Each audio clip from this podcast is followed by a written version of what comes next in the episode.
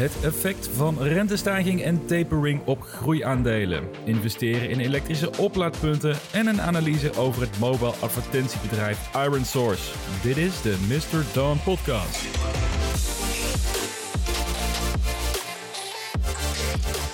Welkom bij de achtste aflevering van het seizoen. Mijn naam is Jasper en voor vandaag staan drie verschillende onderwerpen op het programma.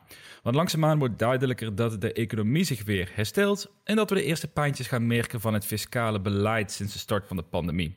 Dus de rente stijgt en de Amerikaanse Fed begint beleggers bewust te maken dat zij starten met tapering, oftewel het afbouwen van hun maandelijkse stimulus in de economie. En normaal gesproken zijn groeiaandelen daar al snel de dupe van, dus ik wil met jullie mijn beelden delen over de aankomende periode. Daarna gaan we het hebben over investeren in aandelen met betrekking tot elektrische oplaadpunten. Vorige week hebben we het gehad over Polestar. En het is voor iedereen duidelijk zichtbaar dat het aantal elektrische auto's op de weg de komende jaren fors zal gaan toenemen. Ja, dus mag je dan stellen dat bedrijven die elektrische oplaadpunten faciliteren, dat dat een slimme investering is? Vraagteken. En we sluiten deze aflevering af met een analyse van een interessant aandeel in de mobile app advertising industrie namelijk het oorspronkelijke Israëlische bedrijf Iron Source. Winstgevend, een enorme groei en actief in een sterk groeiende markt met hoge marges. Oftewel, dat wordt een analyse die je niet wilt missen. Maar voordat we echt van start gaan, de gebruikelijke disclaimer. Dit is geen financieel advies. Doe altijd je eigen onderzoek en beleg alleen met geld dat je voor een langere tijd kunt missen.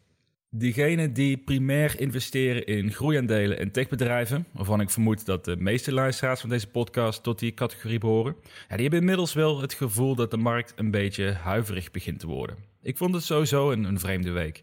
Als je bijvoorbeeld kijkt naar de Nasdaq, tijdens de sluiten van de markt van afgelopen maandag was de koers weer bijna 5% gedaald ten opzichte van een week geleden. Nou, hiermee stond het weer op niveau van mid-juli, toen de Nasdaq ook een kleine dip had. Ja, net als nu met toen ook het bearish-sentiment ook steeds harder. En je merkt dat er ook een hoop beleggers zijn die al enige tijd aan het wachten zijn met een forse cashpositie. Hopende dat die grote correctie uiteindelijk alsnog gaat komen. Nou, tot op heden is die dus uitgebleven. En na de dip in juli is de Nasdaq in die maand daarna ook weer met 8% gestegen. En aan het einde van afgelopen week zagen we ook dat de Nasdaq weer iets aan het herstellen was. Dus op basis daarvan zou ik mij nog niet meteen zorgen gaan maken. Maar toch spelen wel een paar ontwikkelingen qua fiscaal beleid die de komende maanden impact kunnen gaan hebben op de beurs. En voor de volledigheid, ik ben alles behalve een macro-econoom, maar wat mij wel duidelijk is geworden, is dat een hogere rente in de kern een negatieve impact heeft op de koersontwikkeling van groeiaandelen. Nou, en waarom is dat het geval? Bij stijgende rentes gebeuren eigenlijk twee dingen die een impact hebben op aandelen die nog in een groeifase zitten. Allereerst wordt het duurder om geld te lenen. Dus bedrijven in een sterke groeifase zijn vaak nog niet winstgevend, wat betekent dat ze extern kapitaal nodig hebben om hun groeiambities vast te houden. En stijgende rente betekenen dat de bedrijven meer moeten betalen om dat kapitaal te krijgen, wat onderaan de streep een impact maakt op hun financiële resultaten. Maar stijgende rentes hebben ook effect op hoeveel besteedbaar inkomen de consument heeft. Dus in essentie wordt dan alles duurder. Dus consumenten moeten meer betalen voor bijvoorbeeld hun hypotheek of als ze een creditcard hebben, wat je in Amerika veel ziet gebeuren. Dus er is een mindere mate geld beschikbaar om uit te geven aan producten of diensten. Als gevolg krijgen bedrijven dus minder inkomsten, waardoor de relatieve prijs van het aandeel hoger wordt, maar ook de mogelijkheden om te investeren moeilijker wordt. En dat kan betekenen dat die nieuwe elektrische oplaadpunten op de bedrijfsparkeerplaats, ja, of die nieuwe 3D-printertechnologie die je graag zou willen bestellen, ja, toch net even dat jaartje langer wordt uitgesteld.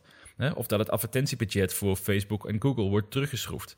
En zodoende heeft het op twee fronten een behoorlijk impact op groeiaandelen. Dus we zien weer dat de rentes beginnen te stijgen. Dus vooral bedrijven die momenteel fors investeren in hun groei en dus nog niet winstgevend zijn, die zullen hier allicht wel door geraakt gaan worden als je kijkt naar de korte termijn koersontwikkeling. Tegelijkertijd heeft de Fed voorzichtig aangekondigd dat de kans bestaat dat zij gaan starten met tapering. Wat dat betekent is dat zij sinds de start van de pandemie maandelijks enorme bedragen in de Amerikaanse economie hebben gepompt door het opkopen van minimaal 120 miljard dollar aan obligaties in iedere maand. Waardoor ze bijgedragen hebben aan het laag houden van de rente en eigenlijk de economie aan een soort Red Bull infuus hebben gelegd. De verwachting is dat zij het langzaam zullen gaan afbouwen, met de kans dat dit aanstaande november al wordt aangekondigd, zodat midden 2022 het infuus helemaal eraf gehaald kan worden. En dit doen ze stapsgewijs, bijvoorbeeld door iedere maand 15 miljard minder in de economie te pompen totdat het nulpunt is bereikt. En de voornaamste reden waarom de Fed hiertoe gaat besluiten is doordat de economie weer duidelijk aan het groeien is. Toch kan dit voor de korte termijn wel degelijk gevolgen hebben voor de gehele beurs. vooral door het sentiment dat nu bestaat, namelijk dat het herstel van de beurs enkel zo rap heeft kunnen gebeuren na de pandemiecrash in maart 2020. Door de forse kapitaalinjectie vanuit de Fed. En als dat nu wordt afgebouwd, zijn de huidige koersen dan nog wel realistisch. En die combinatie met het gegeven dat de beurs overal gewoon hoog gewaardeerd is, zou eens kunnen leiden tot meer pessimisme onder beleggers, in ieder geval voor de korte termijn. Op Twitter werd de vraag gesteld door Jack of inflatie en tapering invloed gaat hebben op de koersontwikkeling van ESG-aandelen zoals GNU en Plug Power. Dus aandelen gericht op duurzaamheid, samenleving en milieu. Ja, dankjewel voor je vraag, Jack. En voor de korte termijn verwacht ik wel dat de kans groot is dat de koers hier een negatieve impact van gaat merken bij dit soort type aandelen. Over het algemeen is verduurzamen sowieso een pittige investering. En daarmee ook voor veel bedrijven en veel consumenten vaak meer een nice to have voor als zij het geld beschikbaar hebben om erin te investeren. En het bedrijf gaat niet een nieuw wagenpark aan elektrische auto's aanschaffen als hun winstgevendheid onder druk staat. En de consument gaat geen nieuwe zonnepanelen kopen als zij merken dat ze minder besteedbaar inkomen overhouden. En ook al denk ik dat het effect onderaan de streep echt wel mee gaat vallen als je kijkt naar omzet of inkomstenderving als gevolg van de stijgende rente. De meeste merken hier namelijk weinig tot niets van. Toch denk ik dat het vooral sentimenteel impact heeft op de keuzes die beleggers maken. Alleen het feit dat deze vraag gesteld wordt, wat trouwens een uitstekende vraag is voor dit onderwerp, geeft aan dat beleggers mogelijk voorzichtiger gaan worden met dit soort aandelen. Wat voor impact gaat deze ontwikkeling dan maken voor mijn persoonlijke beleggingsstrategie? Nou, eigenlijk helemaal niets. Want ook al kan dit leiden tot wat koersschommeling op de korte termijn, ik denk dat de impact op de meeste bedrijven op fundamenteel niveau ja, vrij beperkt gaat blijven. En natuurlijk, kapitaal zal wat duurder worden en eventueel wat lastiger om te krijgen. De omzet zal misschien iets lager zijn dan bij een situatie met lagere rentes voor een aantal bedrijven. Maar uiteindelijk zal dit voor de lange termijn weinig tot geen impact hebben op het succes van het bedrijf. Maar als jij ook bewust bent van je aandelenprijs voor de korte termijn en je zit sterk in groeiaandelen, en vooral diegenen die nu nog zwaar verliesgevend zijn, ja, dan mag je wel wat volatiliteit verwachten richting het laatste kwartaal van dit jaar in mijn beleving. En daarmee sluiten we het eerste onderwerp af. Het is wat ingewikkelder dan de normale thema's in deze podcast, maar het is wel relevant voor de beleggers in groeiaandelen. Stijgende rentes, tapering vanuit de Fed komt eraan, dus wees voorbereid op het mogelijk volatiel laatste kwartaal van dit jaar. We gaan door naar het tweede onderwerp in deze podcast. En dat is het investeren in elektrische oplaadpunten. En ik merk veel interesse over dit domein. En het klinkt namelijk ook heel erg logisch. Want er is een enorme push gaande op elektrische auto's. Wat betekent dat de laadpalen in de straat vaker gebruikt zullen gaan worden. Met resultaat dat er meer laadpalen nodig gaan zijn. Het is een ABC'tje, maar daardoor niet minder waar. Met als gevolg dat ik de nodige beleggers spreek die dit vergelijken met een anekdote tijdens de goudkoers vanaf de 17e eeuw. Even een mooie internet zo. Eh, destijds gingen massaal mensen naar landen zoals Canada, eh, de Verenigde Staten en Australië, omdat ze hoorden over recent ontdekte goudvelden. En vooral in Californië leidde dit tot meer dan 300.000 migranten die daar hun geluk gingen beproeven.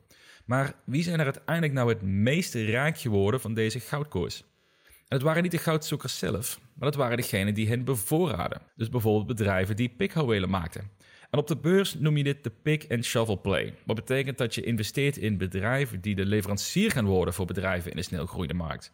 Dus voor de elektrische voertuigensector is dat enerzijds de batterijfabrikanten die hier enorm van zullen gaan profiteren, maar dus ook de bedrijven die de elektrische oplaadpunten faciliteren. En het afgelopen jaar zijn er veel van dit soort bedrijven naar de beurs gekomen. Om er een paar te noemen, je hebt ChargePoint, Blink Charging, EVgo, Volta Charging, Wallbox en zelfs twee Nederlandse bedrijven met EVBox in Amsterdam en de aanstaande beursgang via een spec van het Arnhemse bedrijf Allego. En het gros van deze bedrijven doet eigenlijk praktisch hetzelfde. Ze leveren openbare of persoonlijke laadpalen voor elektrische auto's. En om meteen met de deur in huis te vallen, ik denk dat het gros van deze aandelen niet interessant zijn om in te investeren. En ik zal je vertellen waarom. We gaan naar een maatschappij toe waarbij het gros van de mensen elektrisch gaan rijden. Dus dat betekent dat er veel oplaadpunten nodig zijn. En die gaan er ook komen. Want beperkte oplaadpunten kunnen een significante belemmering gaan zijn voor de consument om elektrisch te willen rijden. Dat willen overheden natuurlijk gaan voorkomen. Dus mits het elektriciteitsnetwerk het aan kan, dan zullen het gros van de parkeerplaatsen en parkeergarages een oplader ernaast gaan krijgen over de komende jaren. Dus dat betekent dat het opladen van je auto, en dus elektriciteit als product, dat wordt een commodity. Oftewel, iedereen heeft dit nodig. Het wordt massaal afgenomen, met als gevolg dat je een situatie krijgt dat je qua prijs een race to the bottom krijgt. Dus als je bij het ene oplaadpunt namelijk 20 euro betaalt voor een volle accu en bij het oplaadpunt 1 minuut verderop ben je al voor 10 euro klaar, dan is je keuze heel duidelijk. En sterker nog, uiteindelijk gaat de leverancier die 20 euro vraagt, die gaat bij klap de kop krijgen van consumenten en eventueel de gemeente. Omdat als alle andere punten vol staan, ja, dan zul je wel die volle map moeten betalen. En dat voelt heel oneerlijk. Dus er zullen waarschijnlijk bepaalde prijsafspraken gemaakt gaan worden. En ik vermoed dat die prijsafspraken via de gemeentes gaat verlopen of via de provincies. Het is net als bij buitenreclames. Straks krijg je een aanbestedingspitch. En dan mogen de EV-Box en de Allego's en al die andere chargers... die mogen pitchen voor een contract in die gemeente of in die provincie. En zodoende krijg je dat alle openbare oplaadpunten van één leverancier zijn. Met één vaste prijs in die regio. En door deze twee redenen, hè, continue druk om de laagst mogelijke prijs te hanteren... en dat er een mogelijk aanbestedingsproces volgt voor één leverancier... Ja, leidt ertoe dat het een zwaar concurrerende markt wordt. En daar heb ik het nog niet eens gehad over de shells en de totals van de wereld, die zich ook nog eens een keer enorm aan het bewegen zijn in deze markt. Want zij zullen de oplaadpunten langs de snelwegen gaan domineren. En dat is wel één ding wat zeker is.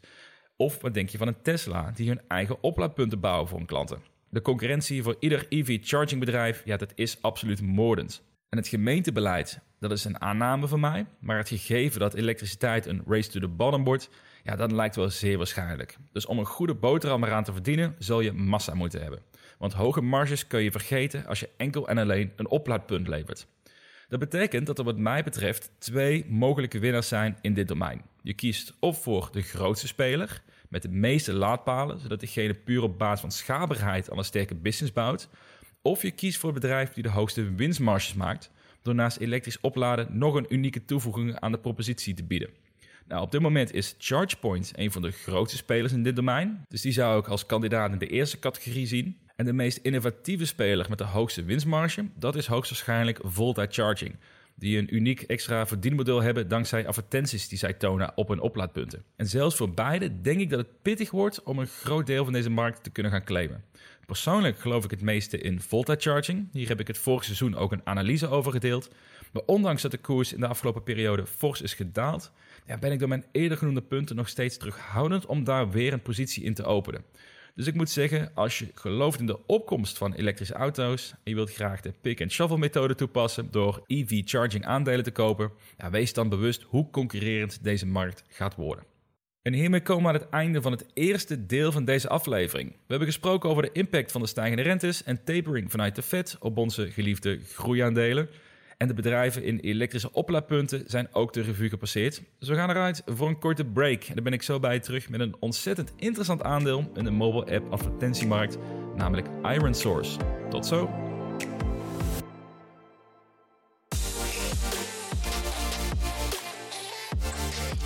Word jij enthousiast van een aandeel die de afgelopen twee jaar gemiddeld 71% per kwartaal is gegroeid in omzet? Die tegelijkertijd ook nog eens winstgevend is met hoge EBITDA-marges en 700 miljoen dollar in kas heeft, nou, dan ga je blij worden van deze aanstaande analyse. Want dat krijg je als je investeert in het bedrijf die ik voor deze aflevering heb geanalyseerd. En dan heb ik het over het mobile app advertentiebedrijf IronSource. Zoals gebruikelijk ga ik je vertellen wat IronSource doet en wat hen onderscheidt van de concurrenten, hoe hun omzet in hun groei eruit ziet we hebben een blik op de aanstaande waardering van het aandeel en sluiten we af met een bear en een bullish case. Met de afsluitende vraag: wordt IronSource het tweede gouden aandeel van dit seizoen?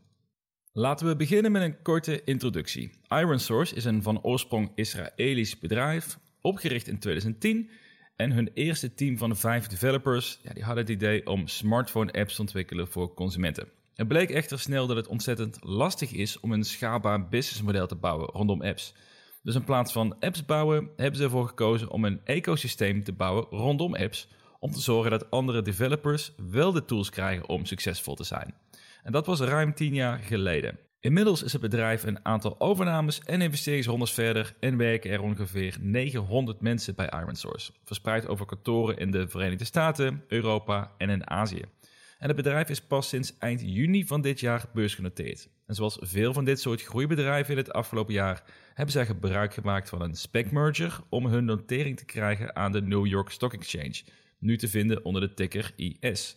En ze hebben een pittige waardering meegekregen van ruim 10 miljard dollar En hier ga ik verderop in deze analyse natuurlijk een kritische blik op werpen. En de overtuiging van Iron Source is dat er twee soorten apps zijn die we gebruiken op onze smartphones. Dat zijn de apps van de social media platforms en mobile games.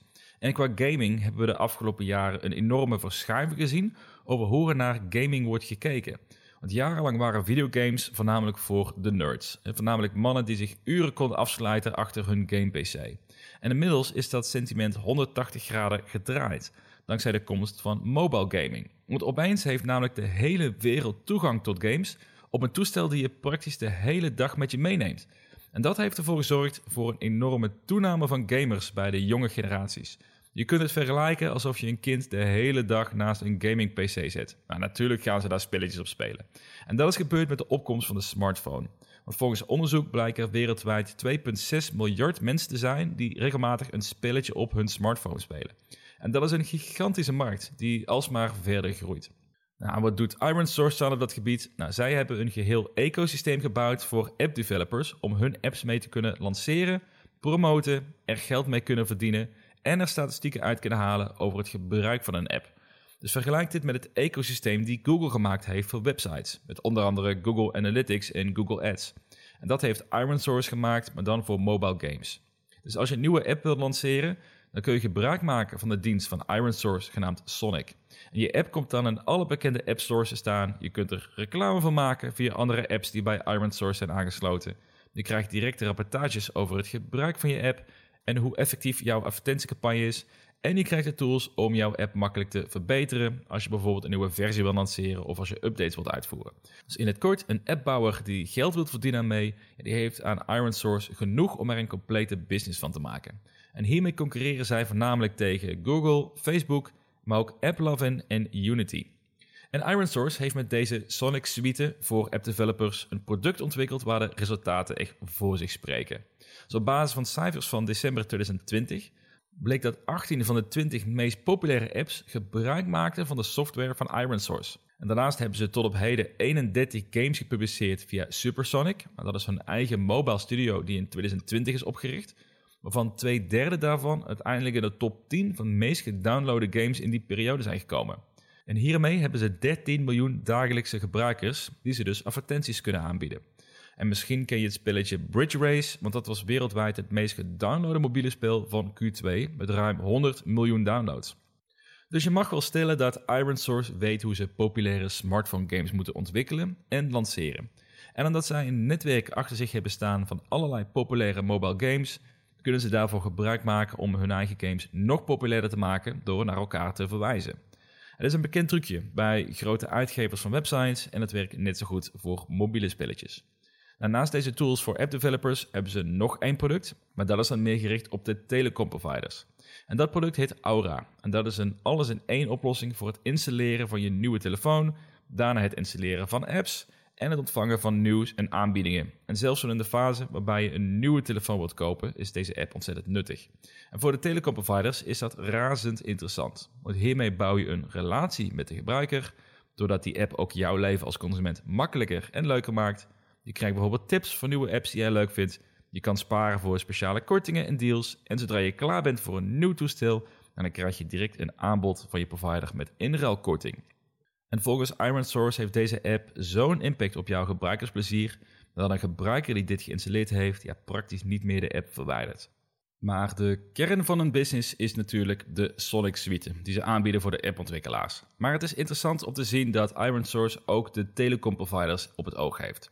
Want als hun applicatie in één stap bij alle Vodafone-klanten geïnstalleerd wordt, dan maak je natuurlijk een enorme stap qua aantal gebruikers die Iron Source kan bereiken via hun advertentienetwerk. En dat is eigenlijk de kern wat Iron Source doet. Dus qua product is het niet eens zo ingewikkeld om te begrijpen als je een beetje thuis bent in het wereldje van advertising en publishing. En voordat we naar de financiële resultaten gaan kijken, wil ik ook nog even snel een blik werpen op het managementteam. En hiervoor ga ik traditioneel naar Glassdoor.com en wat zien we daar? 97% van de werknemers is positief over de CEO, Tomer Barzeef. En hij is een van de oorspronkelijke oprichters van het bedrijf. Sterker nog, het vijfkoppige managementteam van Iron Source dat zijn allemaal co-founders of diegenen die binnen één jaar na het ontstaan van het bedrijf zijn begonnen. En daar ben ik ontzettend blij mee, want dat spreekt vaak in het voordeel van hoe zo'n bedrijf geleid wordt. Dus dit is een vinkje met een griffel. En iedere keer als ik een bedrijf analyseer waarbij de founders nog steeds betrokken zijn, dan zie ik overwegend positieve reacties op sites zoals Glassdoor. Dus Iron Source heeft een software suite gemaakt voor app developers en voor telecom providers. Het is in 10 jaar tijd gegroeid naar 900 werknemers. De founders vormen het managementteam en het bedrijf is ontzettend succesvol geweest om zelf populaire mobiele games te lanceren. En ervoor te zorgen dat de grootste onafhankelijke game developers ook hebben gekozen voor de Iron Source Sonic Suite. Nou, ik heb wel eens bedrijven geanalyseerd die minder voor elkaar hebben gekregen. Dus laten we eens een blik werpen op de financiële resultaten. Afgelopen augustus heeft Iron Source hun resultaten voor het tweede kwartaal gedeeld. De resultaten waren sterker dan verwacht. In het afgelopen kwartaal hebben ze een omzet behaald van 135 miljoen dollar. En voor geheel 2021 verwachten ze een omzet van circa 520 miljoen dollar te behalen. Waardoor ze dit jaar 55% gaan groeien ten opzichte van de 332 miljoen dollar die ze in 2020 behaalden. En wat interessant is, één kwartaal eerder tijdens earning report lag de verwachting nog eens lager, namelijk rond de 490 miljoen dollar voor dit jaar. Dus ze hebben de omzetverwachting voor dit jaar verhoogd met een paar procent. En dat is een prettige constatering, want in de huidige markt, waarbij de waarderingen zo hoog zijn opgelopen, ja, moeten bedrijven eigenlijk continu overperformen om beleggers tevreden te houden. En als we straks kijken naar de waardering, ja, dan zal ik blijken waarom. Maar sowieso een mooie prestatie dat Ironsource dit jaar een groei van 55% verwacht. En bij dit soort bedrijven is het ook heel belangrijk om een extra blik te werpen op waar deze omzet nou vandaan komt.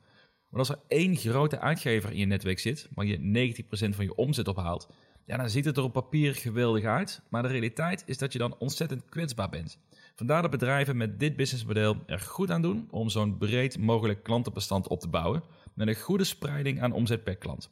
IronSource geeft in hun Q2-update aan dat hun klanten, die meer dan 100.000 dollar per jaar besteden, ja, nog steeds aardig aan het stijgen is.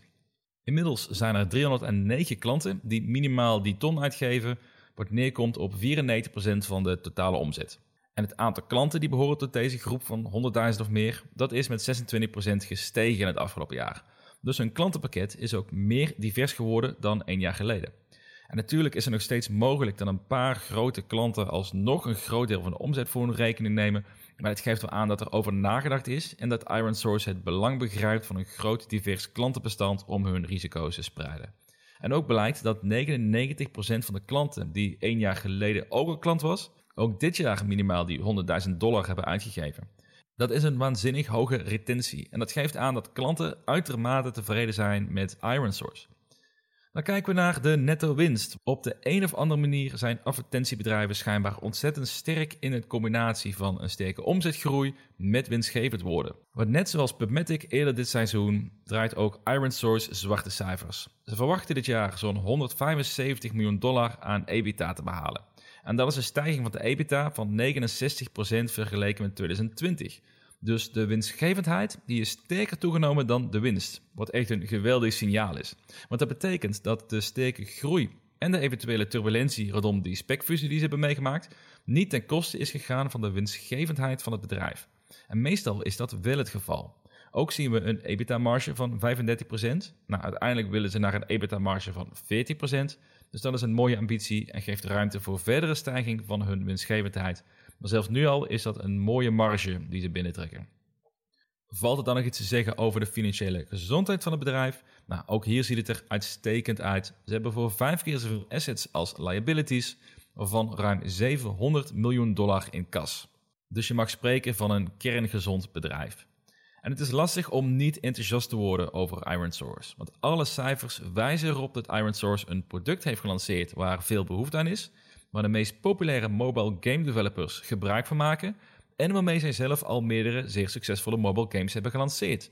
Het managementteam bestaat uit een groep oorspronkelijke oprichters en in financieel opzicht is ironSource kerngezond, een sterke winstgevendheid en groeit het fors in omzet. En ik moet toegeven, dit is een vrij unieke situatie. Dus laten we doorgaan naar de waardering van het bedrijf. ironSource heeft een market cap van 10,6 miljard dollar. En met een verwachte omzet van 520 miljoen dollar dit jaar is dan een price-to-sales ratio van ruim 20 keer de verwachte omzet van dit jaar. De forward price to earnings, ja, dat is een forse 104. Dat betekent dat je als investeerder nu 104 dollar betaalt voor iedere euro die IronSource winst maakt dit jaar. En laat ik hier duidelijk over zijn, dit is opnieuw een forse waardering. En uit de analyse tot dusver blijkt dat dit een uitstekend bedrijf is, maar daar zul je dan ook een geweldige prijs voor moeten betalen. Laten we het vergelijken met de vier eerder genoemde concurrenten, namelijk Google, Facebook, AppLovin en Unity. Alle vier zijn ze actief in het creëren, distribueren, dan wel voor commercialiseren van mobile games. Google en Facebook zijn de twee giganten in deze lijst. Mobile games zijn zeker niet de kern van de omzet voor deze bedrijven, maar als je graag wilt investeren in deze industrie, dan zijn het wel de meest veilige keuzes. Google heeft een price to sales rond 8 keer de omzet en een PE-ratio van 26. En Facebook heeft een price to sales van 9 keer de omzet en een PE-ratio van 20. Dus beide hebben een verwachte omzetgroei tussen de 25 en de 30 procent voor het komende jaar, waarmee zij ondanks een enorme omzet nog steeds een bewonderenswaardige groei laten zien. Deze aandelen zijn veel aantrekkelijker geprijsd dan ironSource, maar slechts een klein deel van hun omzet komt uit mobile games. Dus het zijn geen pure concurrenten van elkaar. En die concurrent die heb je met AppLovin wel. En dat bedrijf heeft een vergelijkbare product suite als ironSource, dus een pure concurrentie van elkaar.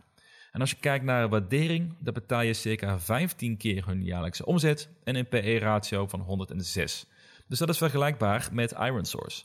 Ook de groei die zij dit jaar maken is met 83% exact vergelijkbaar. Dus het lijkt bijna een één op één kopie van elkaar als je kijkt naar de waardering en de resultaten.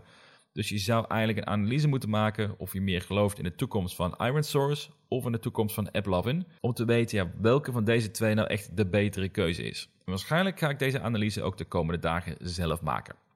De laatste concurrent is Unity. Zij staan vooral bekend als softwarepartij voor game- en app-developers, dus nog één stapje eerder in het proces. Maar zij hebben ook de tools voor developers om hun apps te vercommercialiseren. Voor Unity betaal je momenteel circa 41 keer de jaarlijkse omzet en ze zijn nog niet winstgevend, dus er is geen PE-ratio. De markt verwacht een omzetgroei van ruim 40% dit jaar, dus dat is iets lager dan wat voor ironSource wordt verwacht. Je mag stellen dat ironSource vergeleken met Unity een betere deal is, maar daarmee gaan we wel iets te kort door de bocht. Maar daarover binnenkort vast meer, want Unity zit ook op mijn shortlist om in een aflevering te analyseren.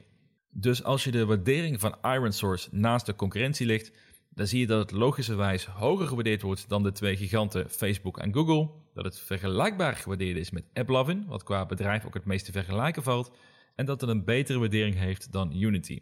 En misschien moeten we gewoon concluderen dat bedrijven deze industrie, dankzij de hoge marges en de grote groeipotentie, ja, simpelweg fors gewaardeerd worden door beleggers. Laten we dan kijken naar wat een fair value zou zijn. Op basis van een discounted cashflow model kom ik uit op een fair value tussen de 8,5 en de 9,5 dollar. En voor het bepalen van een koopdoel houd ik ook nog rekening met een margin of safety.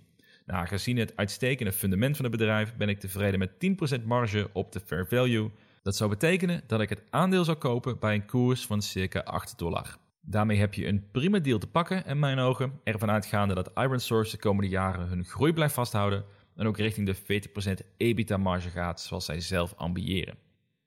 Dan gaan we langzaam afronden. Het is tijd voor de bear en bullish case. Om te starten met de redenen waarom ik denk dat dit geen goede investering is. ironSource heeft een uitstekende niche gevonden door zich te focussen op de mobile gamers. Ze waren hier eerder bij dan anderen in de markt, want je mag stellen dat de techgiganten zoals Facebook en Google nou, nog steeds beperkt de potentie hebben benut. En daar komt meteen ook een van mijn grootste zorgen om de hoek kijken. Want gaming wordt gezien als een van de snelst groeiende entertainment-industrieën ter wereld. En zeker nu ook jongeren opgroeien met spelletjes op hun mobiele telefoon, ja, zal dit nog sneller gaan groeien dan eerder verwacht. Dit betekent dat een Google, een Facebook, maar ook een Amazon, Microsoft en een Apple ja, niet lang op zich zullen gaan laten wachten voordat zij een vergelijkbare suite voor mobile gameontwikkelaars gaan uitbrengen.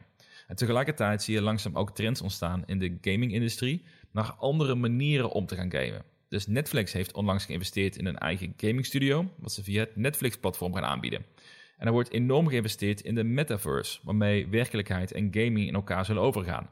Dus ik durf te stellen dat ironSource een uitstekende positie heeft gecreëerd in het huidige landschap, maar er gebeurt zo ontzettend veel op dit gebied dat ik niet durf te voorspellen hoe belangrijk zij over vijf jaar zijn. Ja, en dat is wel de tijdshorizon bij dit soort investeringen. Zeker als je kijkt naar de huidige waardering van het bedrijf.